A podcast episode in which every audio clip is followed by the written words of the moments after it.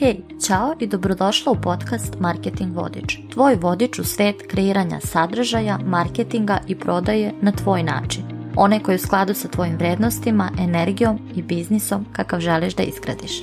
Ja sam Katarina Stanković, biznis mentor i edukator i kroz ove epizode delit ću sa tobom jednostavne, ali konkretne i efektne step by step i behind the scenes strategije i resurse i pokazati ti kako da kreiraš sadržaj i prodaješ sa više samopouzdanja, lakoće, slobode, zabave i razigranosti nego što si ikada pomislila da je moguće. Ako si preduzetnica ili preduzetnica u nastajanju koja želi da izgradi i skalira biznis koji ispunjava na jednostavan i tebi zabavan način, ovaj podcast je mesto na kom želiš biti. Pa hajde da počnemo. Danas u podcastu imam specijalnu gošću, Vesnu Ristovu, sa kojom pričam na jednu uvek aktuelnu temu. Vesna je edukator za društvene mreže i online biznis za žene 40+. Iako radi sa ženama svih godina, ovo je njena uža specijalnost. Ono što je zanimljivo jeste da je Vesna dala otkaz u 47. godini, nakon čak 22 godine u muškom elektrobiznisu, da bi razvijala svoj mali edukacijski online biznis.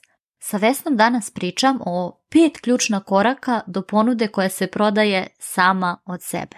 Pričat ćemo o tome da li zaista postoji jedna takva ponuda koja se prodaje sama od sebe. Iako da, kako da je dizajniraš korak po korak.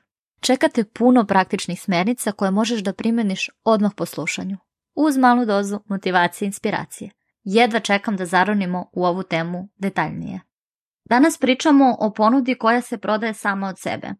Hajde da krenemo od karakteristika jedne takve ponude. Kako da znamo da će se jedna ponuda prodati?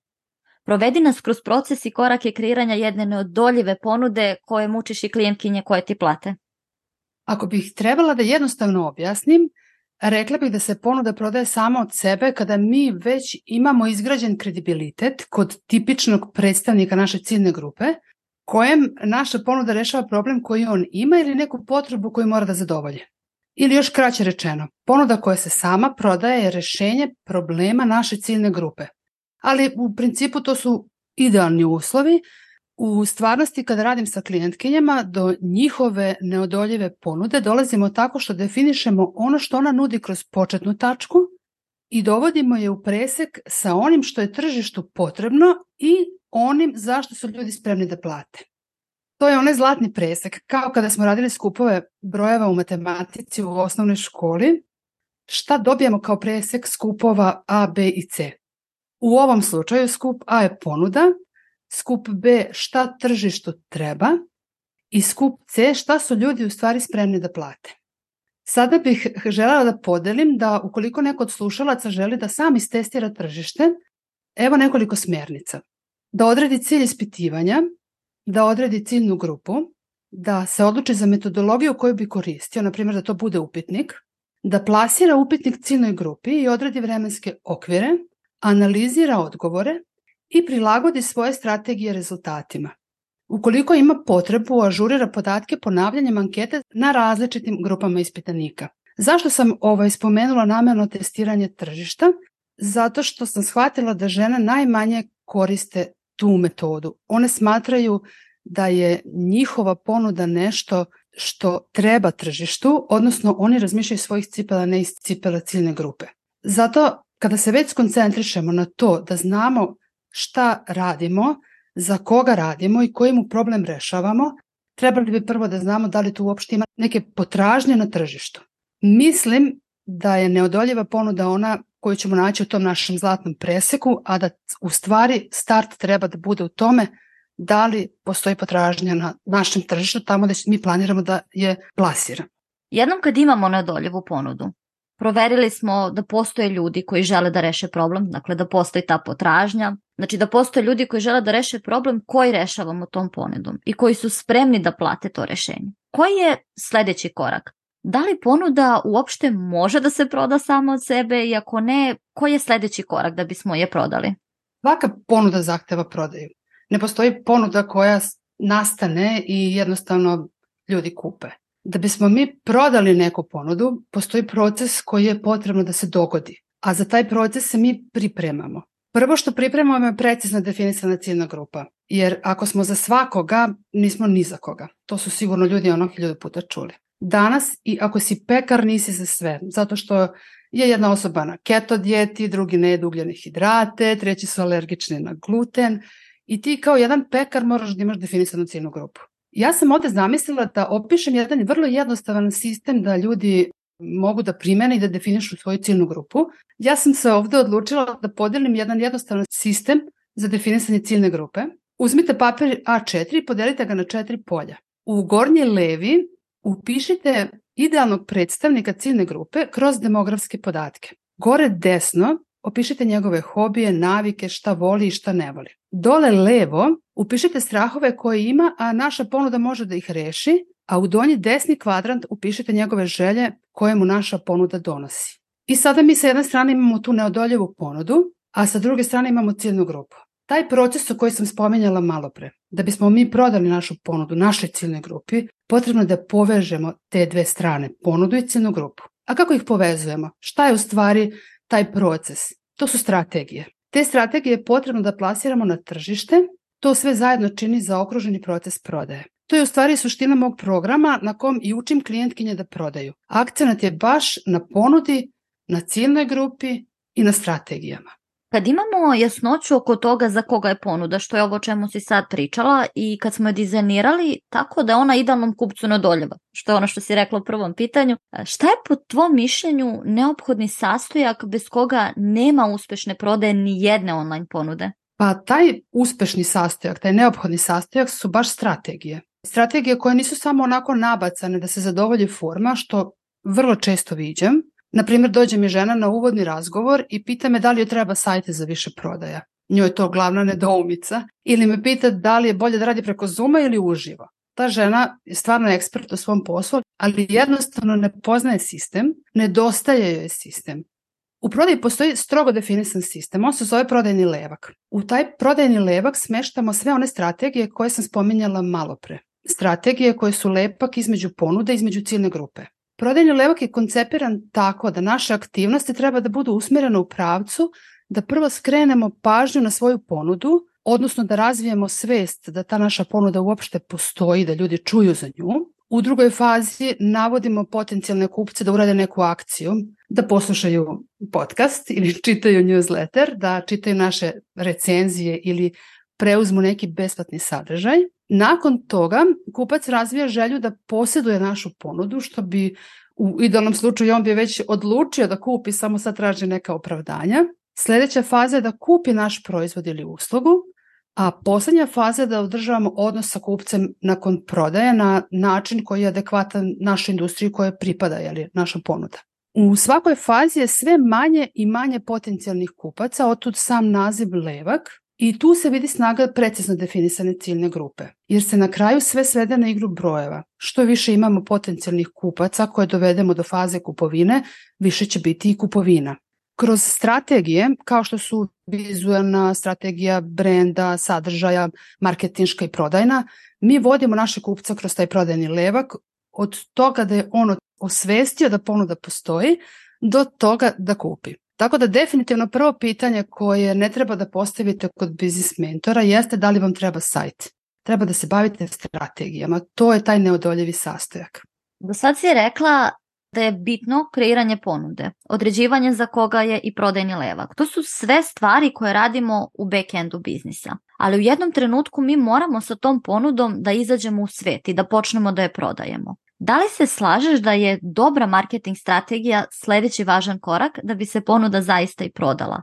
I kako se po tvom mišljenju kreira takva jedna uspešna marketing strategija? Šta ona mora da uključuje da bi bila uspešna? Marketing strategija je po meni kraljica svih strategija. Posebno kod online preduzetnica, jer mi jesmo svoj marketing, mi smo svoj brand, mi jesmo brand. Kada neko radi kao profesor, njega definiše to što je profesor i u kojoj god školi da radi, on je profesor. A ti i ja smo preduzetnice i već kad izgovorimo osjeća se razlika kao profesor, preduzetnica. Bez obzira što preduzetnik može biti i, i da ima više škole i više znanja i više veština od prosječnog profesora. Isto tako profesor može biti odličan preduzetnik, nikoga ne želim da podcenim. Ali da se vratim marketingu. Kada vodiš svoj biznis, bilo koji biznis u stvari, marketing je možda i ključan. I tu strategiju treba vrlo brižljivo osmišljavati. Meni je važno da za klijentkinje odredimo marketing strategiju koja prati njen senzibilitet. Iz prostog razloga što ja najčešće radim sa početnicama koje u 40 plus godinama započinju nešto svoje online i ovde bih sada da podelim jedno pitanje na koje radimo skoro na nivou coachinga. Kada postavljamo njihovu marketing strategiju, obično ih pitam kako želite da vas drugi doživljavaju na mrežama, pošto je u pitanju online predstavljanje. Da li želite da budete pametnica ili savetodavna osoba ili duhovita ili majčinski raspoložena? I takvo jedno pitanje može u principu da definiše cijelu marketing strategiju. Ako žele da zvuče prijateljski, definišemo vedrije boje brenda ili da kopije bude pisano u malo ležernijem stilu. Ali ovde je veoma važno napomenuti da često želje klijentkinja koje su početnice u prodaji ili u biznisu, one imaju jedne želje kako žele da ih drugi ljudi dožive, međutim često te želje nisu dobre za njihov biznis. I tada se u stvari vidi koliko im se uopšte isplatilo to što su proaktivni i potražile pomoć mentora. Uspešna marketing strategija treba da ispuni ciljeve koje smo sadali i uspešna marketing strategija je nešto što se osmišljava dugoročno, ne svodi se samo na boje i na fontove. Ok, mi smo rekli da je ova epizoda pet koraka do ponude koja se prode samo od sebe. Koji bi bio peti korak kreiranja ponude koju ljudi zaista i kupuju? Navela bih strategiju sadržaja. Mislim, sve je važno. Važno je i kako mi zvučimo i kako izgledamo i kako je ponuda definisana i ko nam je ciljna grupa, ali strategija sadržaja je nešto što bih ovde stavila na prvo mesto. Često čujem da žene kažu, pa dobro, nema veze, ja ću samo da uzem telefon i ispričat će to što misli u tom momentu i to će da okrči kao reel, jer je to sad popularno. Čula je da je popularno. Treba biti kratko i ona treba da šeta i da se snimi 6 sekundi i to je okej. Okay. Mislim, to je gubljenje vremena, čak i tih 6 sekundi. Ja na programu imam dva modula od šest koji se bave sadržajem. Jedan je planiranjem, a drugi je kreiranjem. Mada ja znam da je sadržaj baš ono tvoja specijalnost, ali sećate se da sam malo prespomenula da su strategije lepak između ponude i ciljne grupe. E pa strategija sadržaja da je to što je najučljivije. Džabe što smo sve osmislili, što mi tačno znamo koja nam je ponuda, što tačno znamo kome se obraćamo, koji problem rešavamo, ali ukoliko ne verbalizujemo to sa strategijom sadržaja, to niko neće čuti ni videti. Kako ćemo mi saznati koliko je naša ponuda dobra ako sama strategija sadržaja ne isprati to nekim smislenim objavama? U strategiju sadržaja možete smestiti i vaš odabir sadržaja koji ćete, na primjer, da kreirate. Da li ćete da pišete blogove, blog postove za vaš sajt ili ćete pravite kratke tutoriale za YouTube ili ćete da objavljujete na profilima na društvenim mrežama ili da pokrenete newsletter. To sve spada u tu strategiju sadržaja. Moja preporuka je da definisanjem ciljne grupe odredite minimum dva kanala gde ćete se obraćate vašoj ciljnoj grupi i onda da tamo usmerite svoje aktivnosti. To govorim na početku, pošto napomenjem još jednom, ja često radim sa početnicama i ako bih one u samom startu radile više društvenih mreža, rasplinile se na sve strane, to bi verovatno dovelo do vrlo brzog burnouta. Tako da bilo bi dobro znati neke svoje afinitete, znati gde ti je ciljna mreža i strategiju sadržaja usmeriti na tu stranu.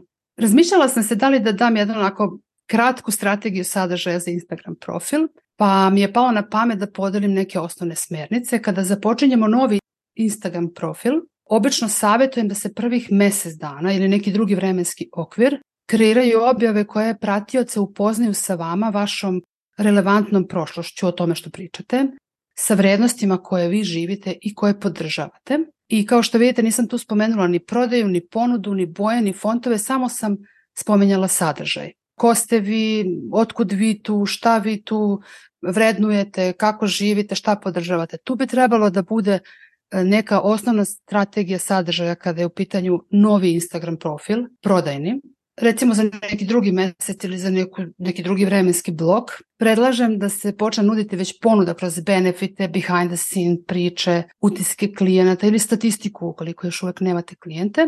I opet ne spominjamo boje i fontove, samo sadržaj.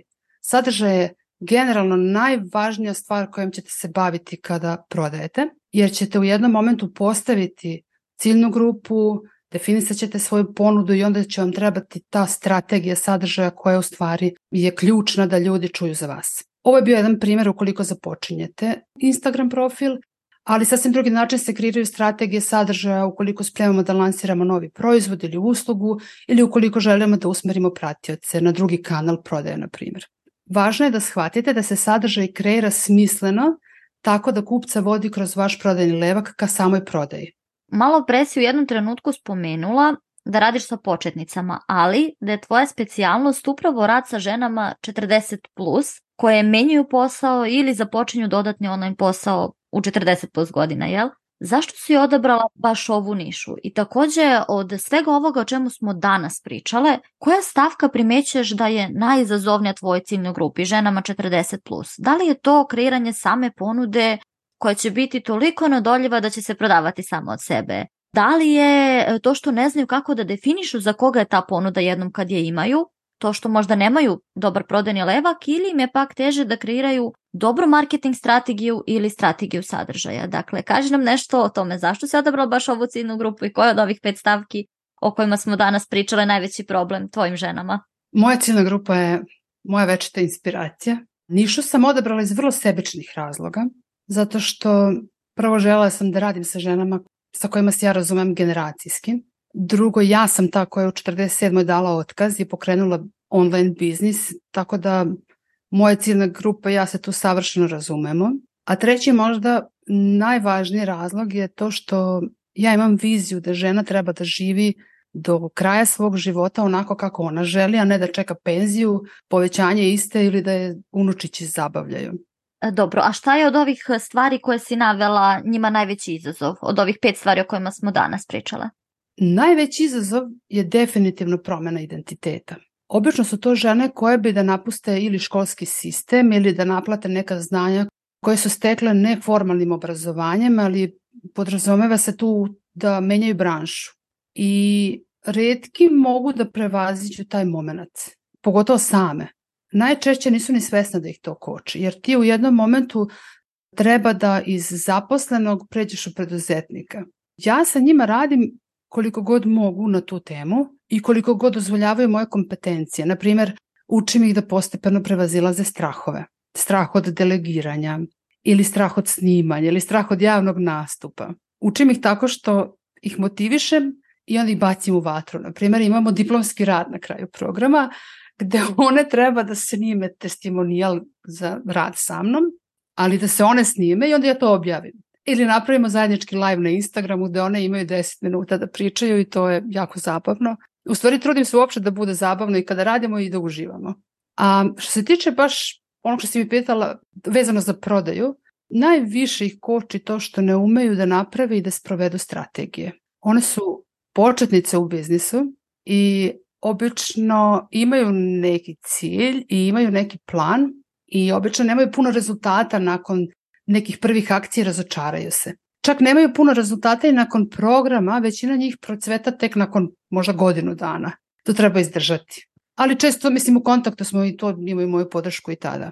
Htela sam još nešto da ispričam. Ja kada sam počela da izlazim na Instagram pre četiri i po godine, znači to neki godinu dana pred koronu, odnosno što bih ja rekla pre Krista, pošto se život na Instagramu deli pre korone i posle korone. Kada sam počela se pojavljujem i da nudim usluge. Ja sam već tada imala 42 godine i moja generacija je bila na Facebooku. Redko se ko bavio nečim kako je vezano za prodaju, bilo je možda nešto tipa mrežni marketing, edukacijama to je bilo na prste da prebrojiš. Ali hajde što nije bilo uopšte edukatorke iz moje generacije, nije bilo ni klijenata, nego su mi se javljale samo devojke koje su tako 20-25 godina i onda sam ja shvatila da jednostavno ne mogu da radim u toj energiji. I taj moment pre jedno dve godine, tri godine, kad sam ja shvatila da želim da radim samo sa generacijom je bio jedan od boljih momenta u mom životu i nikad neću ga zaboraviti. Super je raditi sa ženama koje sa 40, 50, 60 godina odluče da, da nešto urade. Sad imam klijentkinju 62 godine ima. Radimo mentorski, sad sam na individualnom, jedna ima 62, jedna ima 57.